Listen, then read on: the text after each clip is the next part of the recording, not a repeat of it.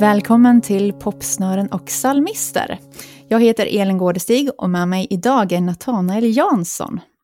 Nathanael är snickare och skatare med psykologiintresse. Men han är också låtskrivare, artist och producent. På Spotify har han två fullängdsalbum och nio singlar som soloartist. Han har även gett ut ett par singlar tillsammans med Johan Larsson, numera Hugosson, under namnet Viljan. Välkommen Nathanael! Tack ska du ha. Eh, jag tänkte att vi skulle börja med några snabbare låtskrivarfrågor. Eh, är du en arbetsmyra som bestämmer dig för att skriva eller går det på inspiration?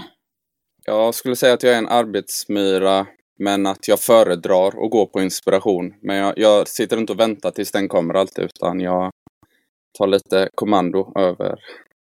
Men har du något, något mål att du ska skriva så många låtar på en period eller? Ibland har jag haft det, sen så tycker jag att det tar så lång tid att spela in en låt från att man har en idé i huvudet till att den är klar och då brukar det ha presenterats en ny låt i min fantasi innan dess så det brukar vara sällan vara brist på låtar att spela in så eh, det är inte riktigt ett problem för mig. Men jag kan verkligen sätta mig ner och bara nu ska jag göra det men jag, jag gillar inte att tvinga fram det på samma Nej. sätt som när det bara poppar upp av sig själv. Mm. Men spelar du liksom in låtarna direkt när du har skrivit dem, alltid? Nej, eller? alltså det, det, eller det är väldigt olika. Det finns inte riktigt någon... Ibland så är det väl att man spelar in som ett demo av en idé och bara försöker fånga den kreativa känslan som kommer och ibland så tar det lång tid och jag verkligen bearbetar ja, men hela konceptet av låten i olika delar. Det kan ibland hålla på i flera månader innan jag väl börja spela in den. Så det, mm. ja, det är väldigt olika. Men jag, jag gillar ja, när, man, när man har hunnit drömma lite om den och sen nu ska jag få ut det i verkligheten. Det är som att gå och bära en hemlighet nästan som man vill berätta för en kompis och sen äntligen får man eh, ja, presentera den i verkligheten. Det gillar jag väldigt mycket. Ja, ja härligt. Um, när du skriver en låt, vad är viktigast för dig? Är det texten, melodin, rytmen, känslan eller något annat?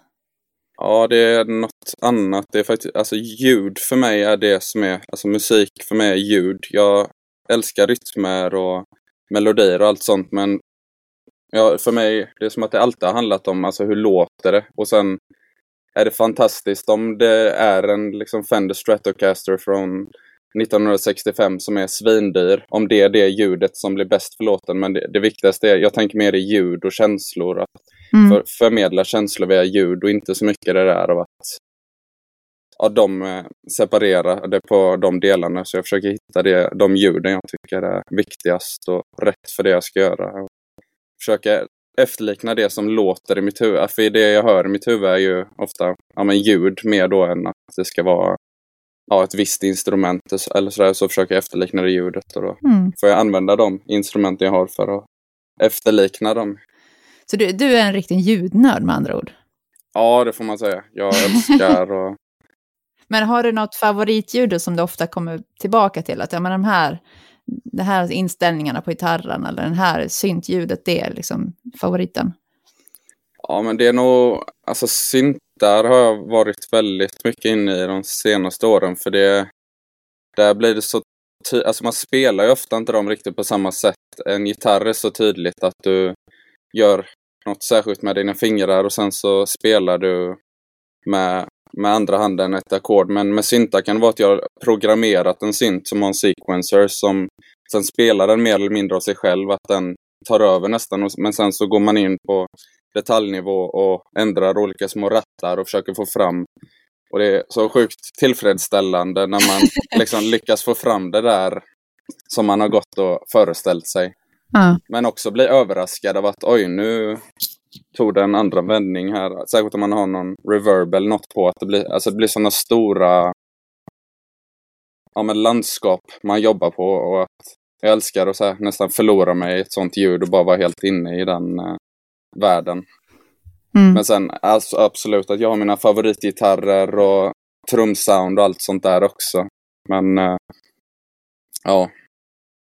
Och, ja, då är det väl det du lägger ner mest energi på också, liksom, som du tycker är, ja, eftersom det är viktigast. Ja, precis. Och så här, hålla på att mm. stämma mm. en virveltrumma till ett visst sound och inte bara nöja mig med att den är dyr eller så här, utan det är mer det där, Mm. försöka hitta det där exakta ljudet. Men det är väldigt svårt för eh, ibland är det ju svårt att försöka översätta det man har hört inom sig till verkligheten. Det är kanske som att ha en bra idé till en film, man ska regissera eller någonting men så blir det en skit i verkligheten sen. Så det, Ja. det är mycket experimenterande och bara ja, ett försök till att efterlikna visionen men det är ofta jag inte lyckas också, måste jag medge. Det kan ju vara svårt att lyckas om man har den alltså, virtuella visionen då i ditt huvud, att få ut det verkligen på... Det, det, det, kan det vara så att det förändras också med tiden, den här bilden som du har av vilken ljudbild det ska vara? Eh, Ja, att det, det- kanske inte var som du, du tänkte från början, utan att den liksom förändras i processen. Ja, alltså nästan alltid för i, i fantasin eller så, är, den visionen är ju perfekt. Det finns ju inget felslaget ackord eller eh, något trumslag som inte kommer exakt där det ska, utan där är det ju bara perfektion och helt så här Mm. ja, rent och fritt från misstag. Men jag är ju en människa så allt jag gör kommer ju gå igenom min brist. Och då, sen är det svårt att veta vad som är en förändring, att det blir förändring till något annat bättre. Mycket är ju en kompromiss också. Att ja, jag nöjer mig med att det inte blir perfekt. Mm. Men det har jag lärt mig att så här, acceptera lite mer det senaste. Att det kommer inte bli lika bra som jag föreställt mig. Det, men att det finns någon slags skönhet i det också. Att Mm. vi brister och, som människor och är inte perfekta. Nej, precis. Um, utifrån hur du beskriver så kan jag ju tänka mig att du helst skriver ensam, men eh, brukar du skriva tillsammans med någon också? Nej, du, du har rätt. Men jag har absolut en längtan av att skriva mer med andra och utvecklas i det. Men det krävs rätt så stor frihet för att jag ska kunna gå in i, jag skulle aldrig kunna gå in i någon sån här jättehypad studio där man sitter med tre andra låtskrivare och bara nu ska vi producera en hit och sen så Nej. ja, så bara avvisar man massa idéer och sånt utan det skulle vara rätt öppen miljö och sådär då. Men jag Mm. längtar ju absolut efter det. det. Det är ju något speciellt när två olika hjärnor kommer ihop med olika erfarenheter och styrkor och svagheter och sådär. Det är ju Mm. något jag längtar efter verkligen.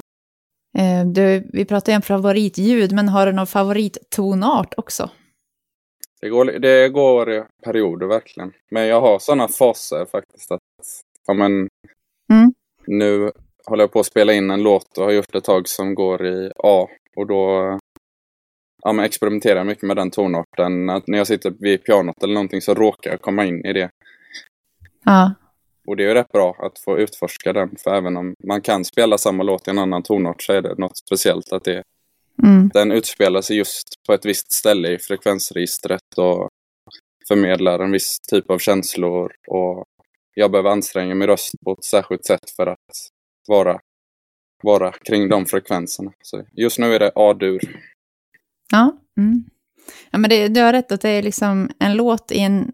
Om man tar samma låt och sen så har man den i en annan tonart så det är inte riktigt, riktigt samma. Nej, Det nej, låter inte riktigt likadant. Alltså, det är något speciellt med det där. verkligen. Och det, ja, att ta ett kap och så, det kan vara som en helt annan låt nästan ibland hur man, Mm.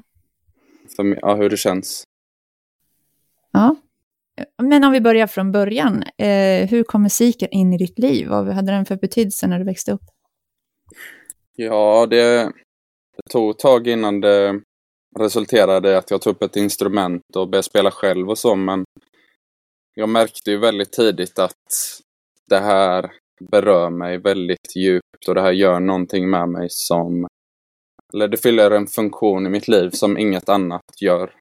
Och det tror jag var när jag, men jag hittade min pappas CD-skivor eller så här, och började lyssna på dem. Och det var särskilt någon Elvis-skiva och någon så här rockklassiker som jag har kvar än idag med låtar som bara...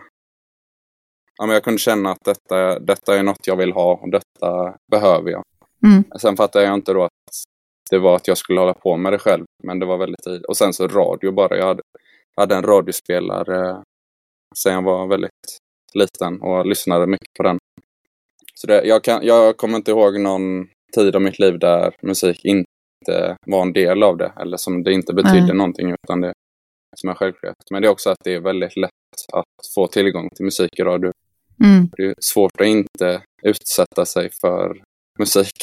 Ja, Och det är få som inte gillar det också. Men jag, jag har nog ingen så särskilt minnen. Först, det där var första gången eller så. nej. Men när började du spela själv och hur kom det sig? Mm, jag, jag stod i kö till elgitarr och fiol när jag var liten. Ja. Och så... Ja, men jag kunde verkligen tänka mig att börja spela fiol. Men så på dagis så hade vi någon sån här show när man skulle spela ja, men ett låtsasinstrument och då var det en elgitarr och en fiol. Och då minns jag att jag ville ha elgitarren. Mm. Men så fick jag fiolen och de andra två killarna fick elgitarrer. Ja. Och då minns jag att jag tyckte det var så orättvist och jag ville ha en elgitarr egentligen. Ja. Sen så tog det rätt många år, men när jag var 11 så bestämde jag mig att jag ska inte spela fiol utan jag ska spela elgitarr. Jag tyckte väl, det var mycket bara att jag tyckte det var coolare antagligen. Ja. Men började du spela fiol någonting? nej, jag gjorde aldrig det. Men det är lite roligt, för han, han som spelade elgitarr på dagis, han började spela fiol så det var lite som att vi fick Ja. ombyta roller. Ja, ja, ja det var ju kul. Ja, men jag är ändå glad att det var elgitarr jag började med, för det är ju, i och med att det är flera toner så, ja, jag hade inte, det hade säkert blivit bra grejer av det också, men jag hade varit en helt annan musiker om jag hade börjat spela fiol istället Mm. Jag fick en annan förståelse för ackord och sådär tror jag. Mm. Och, så, och då spelade jag ju många år på kulturskolan, så, men det var först när jag slutade att gå elgitarr som jag blev bra på det. Okej. Och då har du börjat öva kanske? Ja, nej men in, alltså jag spelade mycket så ensembler och sånt och då var det att Mm. om någon inte hade övat i den gruppen så gick all energi till den personen. Ja, och jag var ändå så här, ja, duktig och gjorde mina läxor. Ja, nej jag hade inte så stort. Men sen var det väl att jag upptäckte rocken mer och så också när jag slutade och då kom det naturligt att jag ville lära mig spela. Och det finns ju hur mycket som helst på Youtube och internet så att jag Mm. Lärde mig mycket själv och, och bara gehör och så. Sitta och öva. Mm.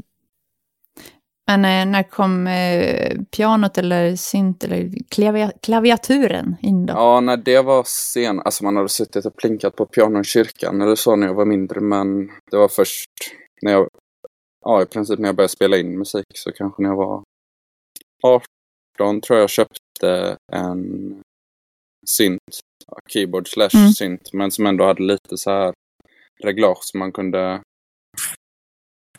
göra att ljudet lät på olika sätt och trigga den på olika sätt. Så då, då blev jag inte helt såld för då var jag inne, så inne i rockgrejen. Men det var ändå häftigt att höra de här ljuden och Mm. jag använde den en del och övade piano på den vanligt. Så. Mm. Hur kom det sig att du började skriva egna låtar då? Och när, när blev det aktuellt? Alltså första låten jag skrev var, då var jag rätt ung. Då var jag, ja då var jag 13 eller någonting. För det, jag minns det var, jag spelade elgitarr. Min bästa kompis spelade trummor så vi gjorde något slags band så här. Som, alltså vi hade aldrig någon spelning eller någonting men vi hade ett band som vi gillade som hette CKI och då döpte vi oss till TKI. Så det var ju väldigt okej. rip-off. Men sen, Ja. Och då minns jag att vi skrev vår första låt. Och ja, det måste varit när jag var 13 för det var i samband, vi skrev om eh, alla hemskheter i världen och var, det var precis efter Utöja där i Norge minns jag. Och då hade vi med det och klämde in 9-11 och allt. Så jag minns, det måste varit när jag var 13 och klämde in allt hemskt som händer i världen och någon slags existentiell eh, sång om hemskheter. Men det var inget vi spelade in så, men det var, en, det var nog första låten jag skrev. Okej.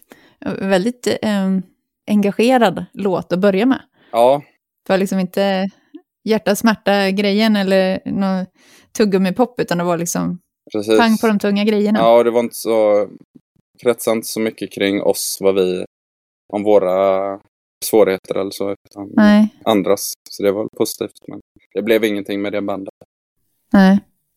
Um, ja, okej. Okay. Ja, men då var det det, eller din kompis där som du hade, eller var det flera? Hur många var ni i bandet? Nej, då var vi bara två.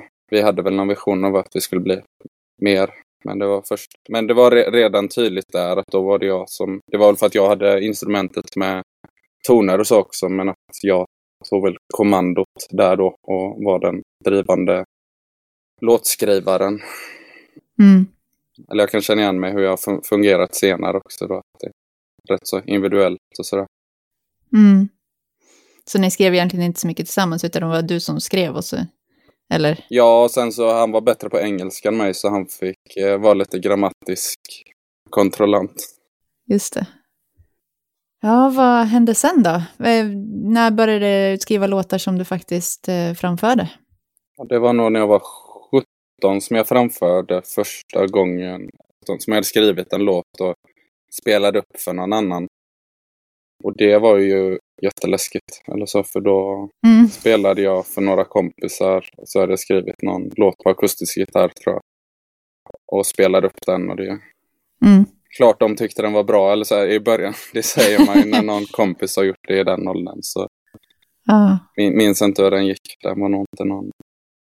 Jag har skrivit bättre låtar som dess. Men sen så var det, fortsatte jag mer och mer då att skriva. Och då spelade jag i ett annat band som var lite mer seriöst, även om det inte var så seriöst. Vi hade bara några få spelningar och så i Halmstad, men eh, då var jag låtskrivaren och sångaren och gitarristen i det bandet. Och då, ble, ja, men då, då upptäckte jag hur kul jag tyckte det var att dels sätta toner på grejer men också sätta ord på känslor och mm. upplevelser och började, kanske skrev 10-12 låtar i den perioden. Vi var ju tre stycken i bandet, så var en trummis, en basist och en gitarrist, elgitarrist. Så det var, jag tror det var en rätt bra start, att rätt simpla sånger och alltså alla behövde göra sin grej. Om man är fler i ett band så är det inte lika beroende av en, men där var det verkligen så att alla instrument var viktiga och vad de höll på med. Mm. Att jag behövde ja, men, nörda in mig lite på de olika, eftersom jag skrev allting, att jag behövde lära mig lite om rytmer och trummor. Mm. Jag behövde lära mig om bas och de frekvenserna, vad de gör, talar och elgitarr och sång då. Så det var en bra första djupdykning i låtskriveriet. Ja, just det.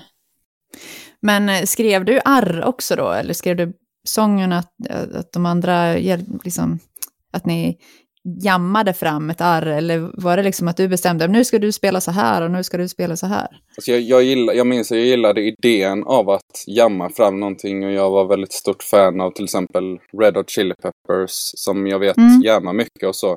Jag gillade idén av det att nu ska vi jamma och sen ska det bara uppenbara sig någon häftig så här, transcendent uppenbarelse över det. Men det hände aldrig riktigt utan så här, det, det blev bara ja, det var ingen som stack ut och då Nej. tog jag kommandot.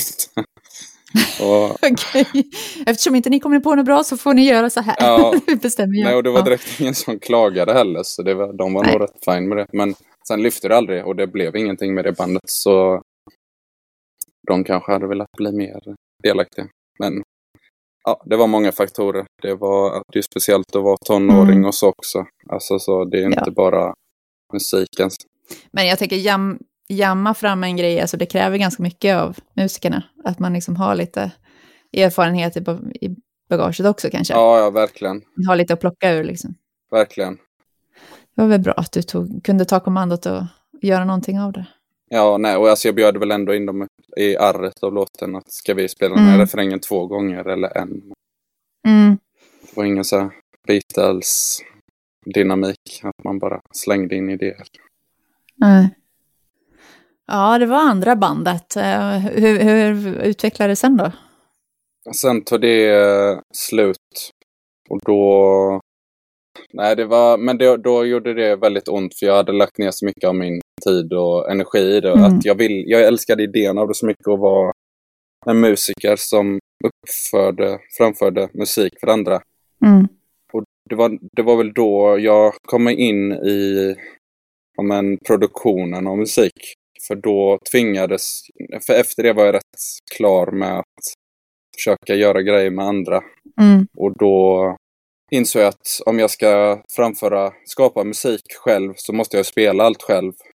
Men jag måste också spela in det själv och då köpte jag en dator och ett ljudkort och lite monitorer och så. Mm. Och det var väl där resan började med att spela in musik på riktigt. Och då upptäckte jag att det här är inte bara ett nödvändigt ont utan det här är ju svinkul. Och det här är lika viktigt för mig som musicerandet att faktiskt ja, spela in någonting och skapa någonting i, i en dator. Mm. Eh, gick det någon utbildning eller så, eller har du liksom lärt dig själv?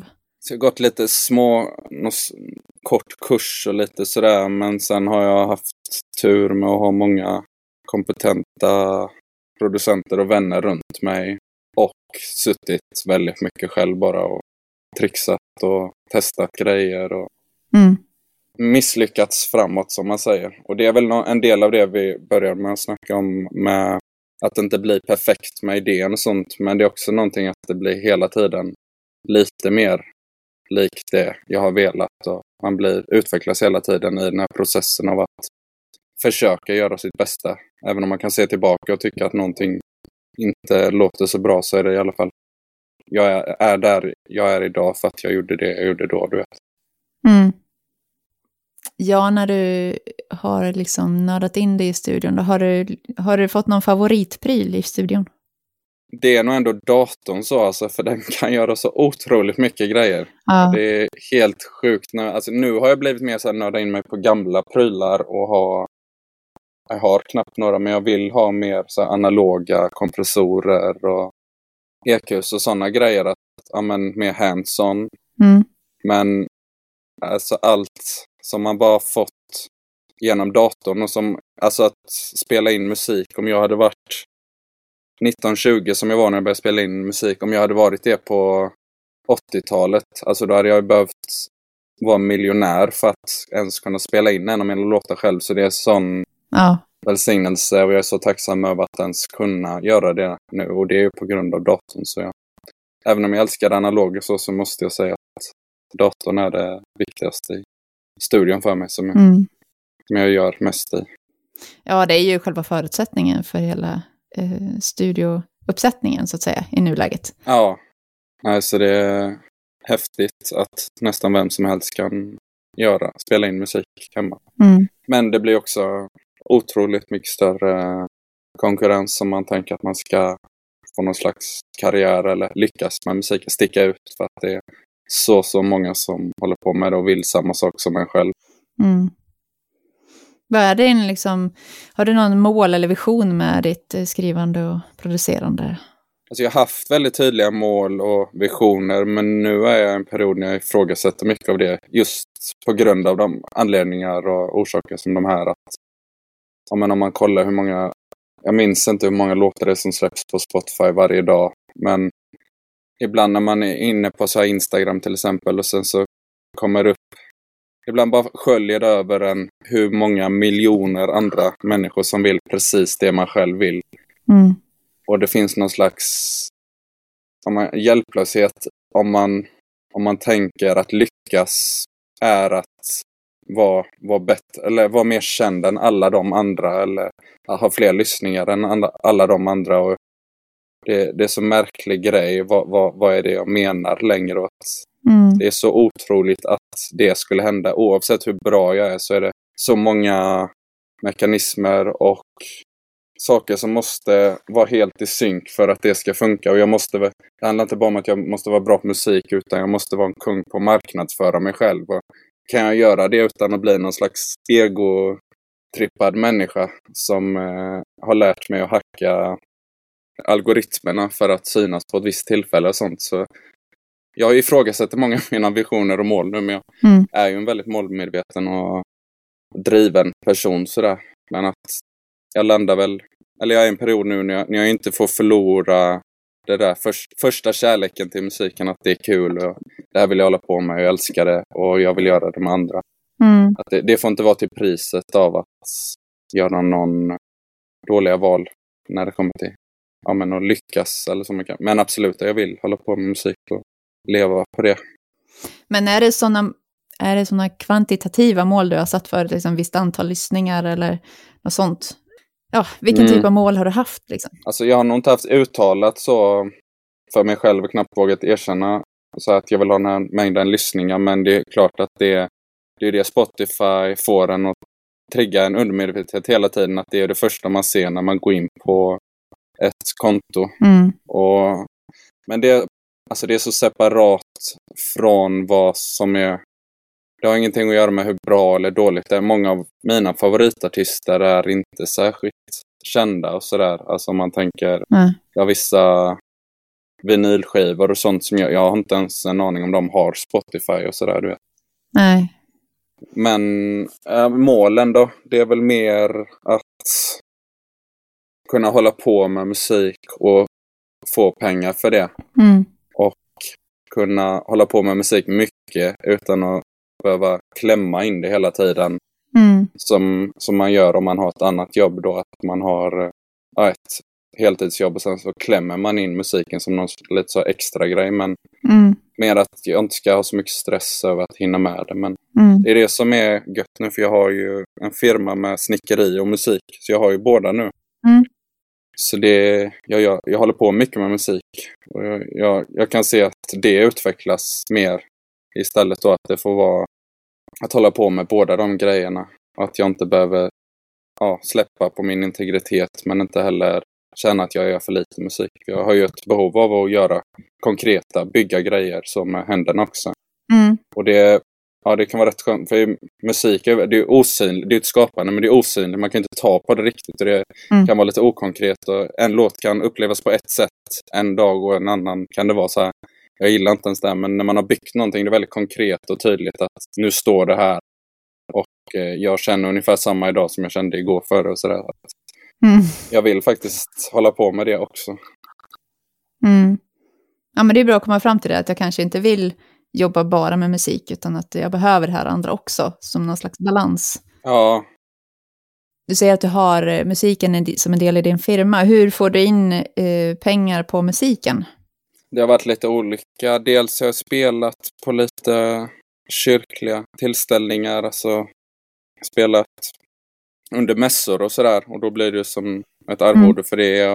Och sen så har jag producerat några tjejer som har spelat in en podd, fast i studion här då, så har de suttit och Mm. snackat och så har jag mixat för dem. Och sen så har jag spelat in en tjej som eh, ja, är artist och så och mixat och producerat henne. Så det är lite diverse grejer men Mm. jag har väl kommit längre rent så om man mäter det i pengar så har jag gjort mer snickerijobb. Mm. Sen några månader tillbaka har jag en del av en sjukt nice studio som jag har alla förutsättningar för att göra Mm. goda grejer i. Men det säger, alltså vårt samhälle är mycket att man, man är beredd att lägga otroligt mycket pengar på att renovera sitt hus, flera hundratusen, men Mm. man är inte beredd att lägga samma mängd på att bli otroligt berörd av en musikalisk upplevelse eller så, utan det, Mm. det är en så fördelning av prioriteringar som finns. Så det, det är svårare att få musikjobb skulle jag säga. Mm. Men eh, jag har väl visioner och drömmar. Och, men det är också återigen att inte göra det till priset av att det känns att jag har gått över någon slags gräns med min integritet och sådär. Mm. Eh, du pratade om dina LP-skivor och, och sådana där eh, förebilder. Vad- Det är ju lite Jakob Hellman över din musik. Har, har han varit en inspiration för dig eller är det andra förebilder du har haft? Jag har faktiskt inte lyssnat på honom så jag... Nej, Nej. det kan jag inte säga. nej, alltså jag, jag är väldigt bred musikaliskt. Jag lyssnar på musik ur de flesta genrer. Alltså jag lyssnar på otroligt mycket elektronisk musik. Lyssnar på väldigt mycket rock, mycket hiphop. Och ja, men väldigt så här som man skulle kunna tänka att de nästan är hur kan det gå ihop att ha de olika genrerna? Hur kan man gilla det om man gillar det? Hur kan man gilla pop om man gillar så här gangsterrap? Men Mm. jag är väldigt bred i min inspiration och försöker ta det bästa av alla världar. Och det finns ju olika, om man, om man pratar om produktion så finns det olika produktionstekniker i olika genrer och jag, jag inspireras av de olika produktionsteknikerna och försöker på något sätt sammanföra dem Mm. hellre se det som många olika bra tekniker och ta det bästa ur alla världar än att fördöma någon genre. Så, ja. Så egentligen, egentligen kanske det inte är artisterna som är förebilder utan producenterna av musiken? Kan det vara så? Ja, men det, det finns något av det. Sen är det olika, för vissa band har ju bra producenter men de spelar ingenting själva, de producenterna. Vissa artister är ju både producenter och mm. artister. Men jag, jag, ser ju dem som producenter som en del av musiken jag lyssnar. Mm. Eh, när du själv skriver musik då, tycker du att det är lättast att skriva när du, ja, när allting går lätt och sådär, eller när det är eh, tyngre passager i livet? Är det någon skillnad? Det är det nog. Men jag är inte den som är sådär supersnabb med att göra... Jag har en bild av mig att jag du vet bara kan få en idé och sen så... Eller det, när man hör någon säga det i någon intervju så finns det något wow i det. Att, jag fick en låt till mig som skrev färdigt den på en kvart. Men man kan ju inte bara... Bara för att jag tycker det är häftigt så betyder det inte att jag gör på samma sätt. Men så jag har haft någon slags bild av att det är så jag gör också. Men en låt tar skitlång tid för mig att skriva klart och det tar många dagar och olika. Och då, ja, det jag skulle säga med det är att då hinner jag mitt humör kan gå rätt upp och ner och perioder och sådär. jag hinner oftast må både dåligt och bra under en under produktionen av en låt.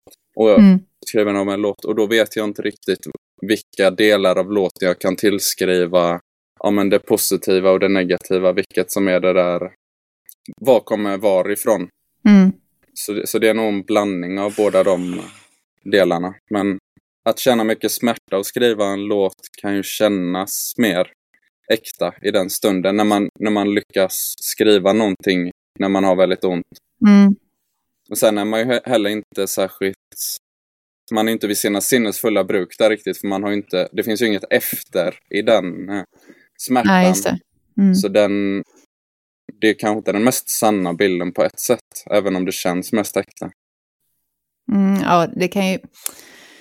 Känslor är ju sanna på det sättet att man känner ju det man känner, så det är ju sant. Däremot så kanske man inte har perspektivet på eh, ja, vart kommer det här att leda. Liksom. Ja, och det är det med min musik, att jag vill att den ska ha en riktning och att det ska vara mot upphöjt och alltså att det finns en positiv framtid och att det finns...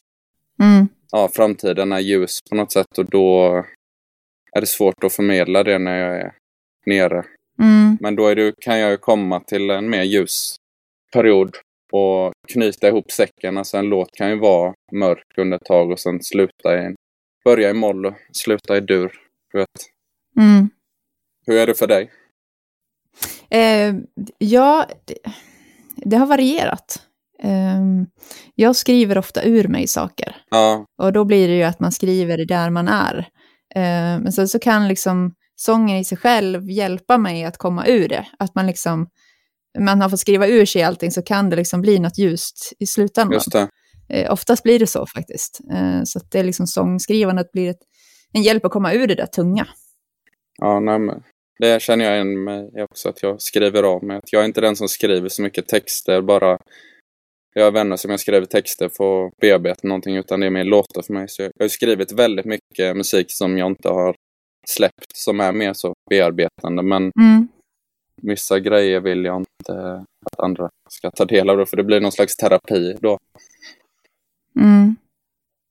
Och hur tänker du, det där vi, vi tog upp det i förra poddavsnittet också, just det här med att skriva väldigt eh, bearbetande låtar och om man ska ge ut sådana låtar eller inte. Ja. Eh, och en del har ju approachen att ja, men, ju mer personlig du är, desto mer berör du. Ja. Eh, men samtidigt är det också, man lämnar ut sig själv, eh, plus att nu är jag borta från den här, jag var i den här platsen, men nu är jag inte där längre och då vill inte jag påminnas om hur det var att vara i den platsen, så då vill jag inte, ja, så det finns olika, men, men hur känner du för det? Om du skulle ge ut, nu har jag kanske inte gjort det, men om du ger ut en, en sång som är väldigt personlig, um, hur, hur, känner du för det liksom?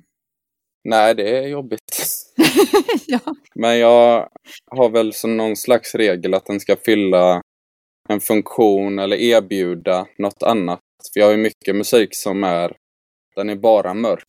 Mm. Eh, men den finns inte heller för folk att lyssna på utan den finns i, Nej. i min dator. Och då, den har betytt mycket för mig och har hjälpt mig. Men om, om man drar den liknelsen av att det är terapi så, så kan man ju dela vissa saker av det samtalet till andra. Man kan dra några goa quotes från psykologen men man kanske inte ska släppa ett fullängdsalbum av en inspelning av sin så här, terapisession. Och jag är väldigt, jag känner väldigt tydligt om jag har gått över mina gränser så, då- och då Mm. kan jag göra det innan jag har släppt någonting så då försöker jag göra det innan. Men Mm. Ja, absolut, för flera år sedan så släppte jag grejer som jag kanske inte borde släppt men då tar jag bort det senare.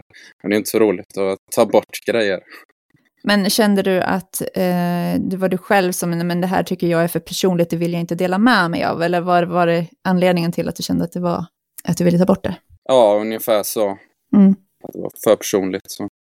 Men jag, ja, samtidigt som man vill ju hela tiden alltså jag älskar ju när andra artister öppnar upp sig Mm. och är ärliga och så. Men det, jag tror inte att man kan gömma sig riktigt. Alltså jag kan ju sjunga massa onödiga grejer och, eller som inte har något syfte eller mening i en låt. Men om jag spelar en akustisk gitarr, jag tror inte riktigt att det går att dölja vem jag är, utan jag tror alla, om man pratar om ljud igen, jag tror att alla ljud förmedlar känslor från mig och att man kan plocka upp det även om det inte är att jag har så här formulerat det att nu mår jag jättedåligt och jag önskar att eh, allting tog slut. Om jag sjunger det, eller jag tror man kan spela det också. Mm. Det är lite mer så metafysiskt och mystiskt, men jag tror det är så faktiskt. Ja, det, det känns, när du berättar om ditt låtskrivande så känns det som att för dig är inte en låt klar innan den är färdigproducerad.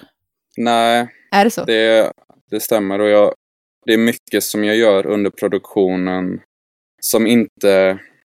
Alltså det är inte som att jag spelar en synt och sen så när den är inspelad så är den klar, utan det är mycket tweakande och så efteråt och mycket Mm. förändringar som sker efteråt, som, alltså, som är först i produktionsprocessen. Så jag ser inte riktigt någon skillnad på dem, inspelningsfasen och mixningsfasen, utan mixningen är som ett, en spelteknik för mig. Till exempel som man, om man bänder på gitarren Mm. så att en sträng låter ljusare så kan man göra som bends i Logic till exempel, eller i Pro Tools och använda olika speltekniker där. Så det är som att man fortsätter att spela ungefär. Mm. Och då är det ju hela tiden den där, när har vi spelat klart? När kan vi nöja oss? När är eh, det tillräckligt bra? Eller vilka kriterier man använder för att bedöma en låt. Och det, det är ju aldrig på ett sätt, för det går alltid att fortsätta. Mm. Om man inte håller på att mixa på en låt på en vecka så kommer du upptäcka någonting även om du trodde att den var helt klar innan. Mm. Så där finns ju ett beslut också och Mm. en vilja att vilja gå vidare till något nytt eller något annat. Mm. Ja, någon gång måste den vara klar liksom. Ja, Man måste bestämma sig att nej, men nu får det räcka. och det är inte det lättaste. Nej. Ehm, om vi pratar hur många, hur många man ger ut och sådär. Hur, hur många låtar tror du att du har skrivit och hur stor del av dem är utgivna? Jag tänkte på det häromdagen. Jag vet inte i antal riktigt hur många jag har skrivit, men jag skulle tänk, kunna tänka mig att det är ungefär en tredjedel av det jag har skrivit som finns släppt. Så det är Mm. en stor del som, som inte finns att lyssna på. Mm. Och sen så om man, det är väl lite vad man har för definition av att ha skrivit en låt, om den måste vara helt färdig från början till slut. Det finns ju väldigt många så här påbörjade grejer och Mm. halvfärdiga idéer och saker som rann ut i sanden. Men det är nog, om man tänker inspelade låtar, så ja, ungefär en tredjedel som är släppt. Ja. Ehm, du, du har ju det här drivet. Vad, vad är det, vad får dig att orka hålla på liksom?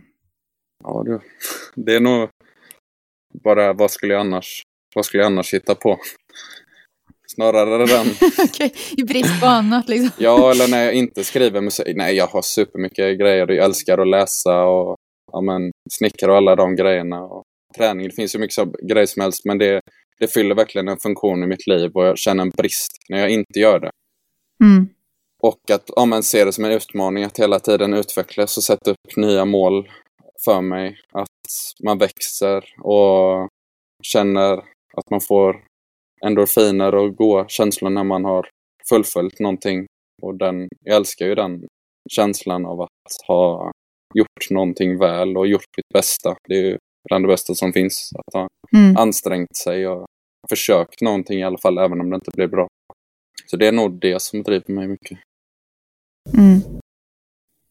Um, jag har hört att du predikar ibland också. Ja. Brukar du använda din musik i de sammanhangen också? Eller hur ser du på relationen mellan rollerna låtskrivare och eh, förkunnare eller predikant? Finns det någon koppling? Ingen medveten koppling så. Jag använder inte musiken direkt i, det, i den kontexten. Sen är det väl inte så fullständig dikotomi att de är helt uppdelade. Alltså så att den, men de berör ju säkert varandra lite grann men det är ingen så tydlig koppling jag ser. Du tänker inte att dina sånger är som kan vara en predikan så vidare, utan att det är två eh, skilda saker?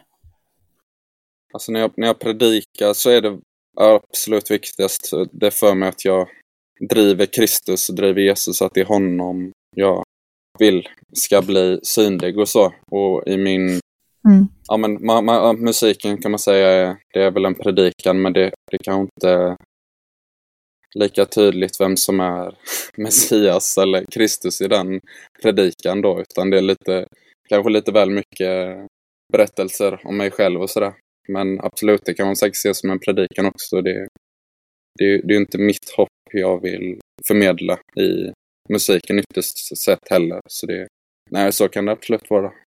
Det är en predikan också. Mm. Ja, vad ser du, vad är det du framförallt vill förmedla med din musik? Alltså, det är väl någon slags längd... Man retar människor lite att det finns mer än det synliga. Det finns saker som vi inte förstår. Det finns något större. Och att ja, reta människor lite och att så här vad heter det, tisa eller så locka, män, ja, locka människor vill jag göra. Till att mm. börja mm. leta. Både i sig själva men också i universum av att det finns något mer än det vi, det vi har hört finns och sådär. Och musiken är ett väldigt bra verktyg att öppna hjärtat i människor för att det är så, så starkt verktyg och många skulle kunna gå på massa predikningar utan att ja, men öppna upp sig för att det finns något mer och bara säga att det är, det är skit det han står och säger och hur kan man tro på detta och så. Men att mm. om man sätter toner på det under tiden så kan man ju öppna människor ibland eller göra så att människor öppnar sig för att det kan finnas mer. Mm. Och då är det ju inte bara i någon sån här eh, ja, men flummig andlig mening av att det finns osynliga grejer så, utan det är ju ja, men att det är Gud. Mm. Det är Gud som finns där och han råkar vara god också. Och det är honom jag, det är honom jag vill visa på. Det är inte bara någon här mm. kosmisk kraft, du vet, av att Nej. nu ska du hitta dig själv, utan det är, det är Gud ytterst sett som jag vill att människor ska hitta. Mm. Eh, vad är det bästa med att skriva låtar då? Det är nog det där som du sa, att du skriver av dig, att det är som att man ja, man blir fri. Man, det, blir, det är någon börda som släpps och det, man kan gå vidare i livet. Man kan avsluta ett kapitel mm. och känna att nu kan jag nu kan jag uppleva nya grejer och ta mig an andra projekt och så. Utan nu, nu, nu är vi klara här och inte älta saker. För det är ju bland det värsta man kan göra när man bara fastnar i en, mm. i en spiral eller en loop som bara går runt, runt och så sitter man fast där. Utan känna att man är fri och Mm. Kunna släppa saker. Det måste vara det bästa. Sen eh, är det fantastiskt då man känner att man har utvecklats och kan vara, alltså rent bara, vad heter det, tekniskt ta ett svårare ackord än vad man kunde innan. Att den känslan av att förbättras, det är också något som driver mig och som jag gillar av att utvecklas och mm. kunna ta mig an svårare grejer och sådär. Mm. Eh, ja, på tal om utmaningar, finns det någon skrivarutmaning som du har velat ta tag i men ännu inte har gjort? Nej, men det är väl att skriva mer med andra människor och mm. ödmjuka mig att det kan gå. det kan gå. Det kan finnas folk som har någon input som kan berika ja, ditt skrivande. Nej, men det är väl ja. de lite negativa upplevelser jag berättar också när jag, med band och så att man kanske är, Ja. Jag har inte sett så många exempel när det har gett mig någonting som har varit då värt att investera mer i. Men jag vet att det finns, så jag, det vill jag göra mer. Mm. Jag bor ju i en storstad så det finns ju många duktiga musiker, många band som jag gillar och sådär. Så Mm. det måste ju finnas likasinnade, eller i alla fall Ja. så likasinnade att det går att göra något ihop med dem. ja, det gäller ju att hitta någon som man lirar med. Alltså att att man är på samma frekvens på något sätt. Ja. Så att det liksom funkar, samarbetet. Ja, verkligen. Är du bra på det eller skriver med andra? Eh, nej, inte Nej, alls. okej. jag skriver typ bara själv. Jag har ja, kanske någon gång försökt skriva tillsammans. Men det, det är li- liksom svårt och stelt och svårt att liksom... Jag känner mycket liksom in vad det ska vara och tänker och vrider och Ja. vänder och sådär. Och det är jättesvårt att göra tillsammans med andra, känner jag. Eh, Jag skulle verkligen vilja. Det är så svårt för mig att föreställa mig hur den där, när man känner att något bara kommer till en, alltså den kreativa, Ja, hur det ska hända exakt samtidigt när någon annan får det, att det är så sällsynt. Bara när jag får det, Ja, så hur ska vi lyckas kombinera Ja. det här och synka det? Ja. Eh, Jag har som lite grej här att vi brukar dra en utmaning som lyssnarna kan anta om de vill. Mm. Får se om vi hittar något roligt här. Vi se vad det blir. Ja, skriv en låt utifrån en predikan som talar till dig. Den är bra. Vad Man kan man få som tips ibland om man har kört fast. Vad man ska skriva om. Då kan man liksom ta, ja men vad predikade de om i söndags liksom. Just det. Nej, det har jag aldrig tänkt på. Det var bra. Och så vill jag fråga, vem skulle du vilja att jag bjöd in till podden? Det är svårt, för jag har inte så många andra som är i den här semi-kyrkliga ro rockbranschen. Eller så att jag är både det jag vill göra och gör är rätt så sällsynt att man vill spela på klubbar och sådär samtidigt som att man förmedlar Gud. Så jag Mm. hoppas ju att det finns fler sådana där ute, men jag Inga jag tänker på på rak arm sådär. Nej, ja, men det är ganska intressant det du säger, just att man vill vara i båda världarna. Historiskt sett så har det ju varit ganska klurigt att göra så, för att eh, kyrkan liksom sett att ja, men du är inte tillräckligt rätt fram eller eh, Nej, precis. kristen, liksom. Att dina låtar handlar inte tydligt om Gud. Eller så. Ja, Och sen så åt andra sidan så kan de utanför kyrkan, eller ja, i de profana sammanhangen tycker att ja, men du är för religiös. Liksom. Du passar inte in i de här sammanhangen. vid- Du pratar, pratar för mycket om Gud. Eller, ja, att det kan vara svårt att liksom hitta den där balansen. Hur, hur, har, liksom, hur har du upplevt det? nej det är supersvårt alltså. För det, ja hur man ska bevara det man har fått i kyrkan och av Gud i världen. Alltså för Jesus hängde ju med, med andra människor utanför hela tiden och käkade och drack med dem. Mm. Och det vill jag också göra, men jag vill att det ska vara Guds agenda som råder där och inte att de påverkar mig för mycket. Men Mm. det är väl hela grejen med Jesus för mig, att han var, han var människa och Gud och kunde göra så att vi förstår Gud och då måste jag vara en människa som folk kan förstå. Jag kan inte komma och prata ett helt främmande språk Nej. för människor ute i världen och det är ju det här religiösa språket då som många av dem inte kommer förstå om de inte har varit troende i 20 år själva. Och Mm. det är väldigt skönt att bara ha vänner där man kan ja, använda ett lite mer avslappnat språk och använda slangord och sånt vet jag inte. Mm. Men att hitta balansen och kunna att inte ge efter för sina svagheter och så. För det är inte så att man bara blir någon slags moralisk superhjälte som kan stå emot alla lockelser. Och om vi pratar om det här med musikbranschen och så. Den är ju väldigt tävlande och väldigt så konkurrensdriven och det, det är ju lätt att falla för det och gå, gå in under Mm. det, eh, under de spelreglerna. Så det är därför jag ifrågasätter lite också hur mycket jag kan vara en del i det när man, Mm. ja, att man ska komma med något annat där. Mm. Men jag har en tro att det går att man säkert kommer göra misstag och sånt men att det är bättre att försöka än att bara sitta och tycka att det är svårt. Eller alla, om man misslyckas har man i alla fall försökt. Ja. Mm. Inte bara suttit och trott och längtat. Nej, men jag tror att du har någonting där, just det där när du pratar om språket, att man liksom... Jag tycker att det svåra är att förklara, eller prata om Gud och Jesus och tron mm. liksom, på ett sätt så att folk som inte tror faktiskt förstår vad man pratar om. Mm. Och det kan vara svårt att hitta de där orden tycker jag. Att, liksom, att det inte bara blir något så konstigt flumsnack, liksom, utan att det, ja, att det blir naturligt. Verkligen. Det, det tycker jag är svårt. Mm. Men jag tycker det är så häftigt när man träffar människor där de gör det bra och om man ser att det går då. Jag har mm. verkligen, jag har sett för många sådana människor för att kunna ursäkta mig för att det är svårt, du vet. Att, så här, jag, ja. jag har sett så många exempel att det går. Mm. Men det kräver nog stor ödmjukhet också. För, för om man gör det så kanske man inte framstår som den här, eh, vid första anblick i alla fall, den här stora gudsmannen. Utan man tänker att det är någon som, som inte vet så mycket.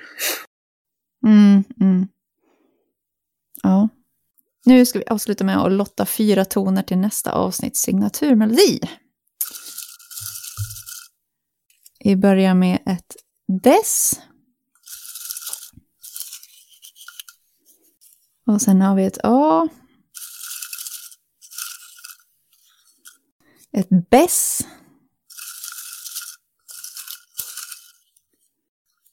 Och nu ska vi se.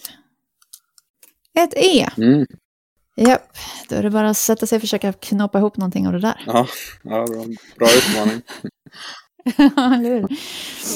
Uh, ja, men uh, har du någonting uh, mer som du vill dela med dig till de som lyssnar innan vi avslutar? Något råd till den som sitter och knåpar på sin kammare eller skulle vilja? Ja, det är väl det här att det är bättre att försöka än att inte göra någonting alls. Att, ja, men om du vill spela in musik så köp någon dator efter din budget även om det inte är det bästa och så här. Och ha inte andras mall som din mall, alltså andras kriterier. Ta inte bara andras kriterier, vad som är bra och dåligt och vad, vad som är lyckat och misslyckat, utan eh, du får ju bedöma det du gör utifrån din, din mall och dina preferenser och du, mm. alltså dina erfarenheter, din uppväxt, din musika ditt musikaliska bibliotek är unikt för just dig och du, även om det är så lätt att ja, men, dra paralleller och likheter med alla, att du låter som den och du låter som den och har du fått inspiration och så, alltså, och även om man har fått det så kommer det, jag tror alla människor har något unikt ljud i sig som, som bara du kan göra och att det finns ett värde i att bara få ut det. Även om det bara är ditt sovrum men ur ett par högtalare och att det kommer kännas meningsfullt. Så det, försök. Det är mitt tips och mitt råd. Mm. Det var en bra utmaning här till slut. Eh, då vill jag tacka så mycket för att du ställde upp. Ja, tack själv. Jättebra frågor och du är en bra intervjuare. Det var, var ett bra samtal tycker jag. Tack så mycket för idag. Tack själv. Tack och hej.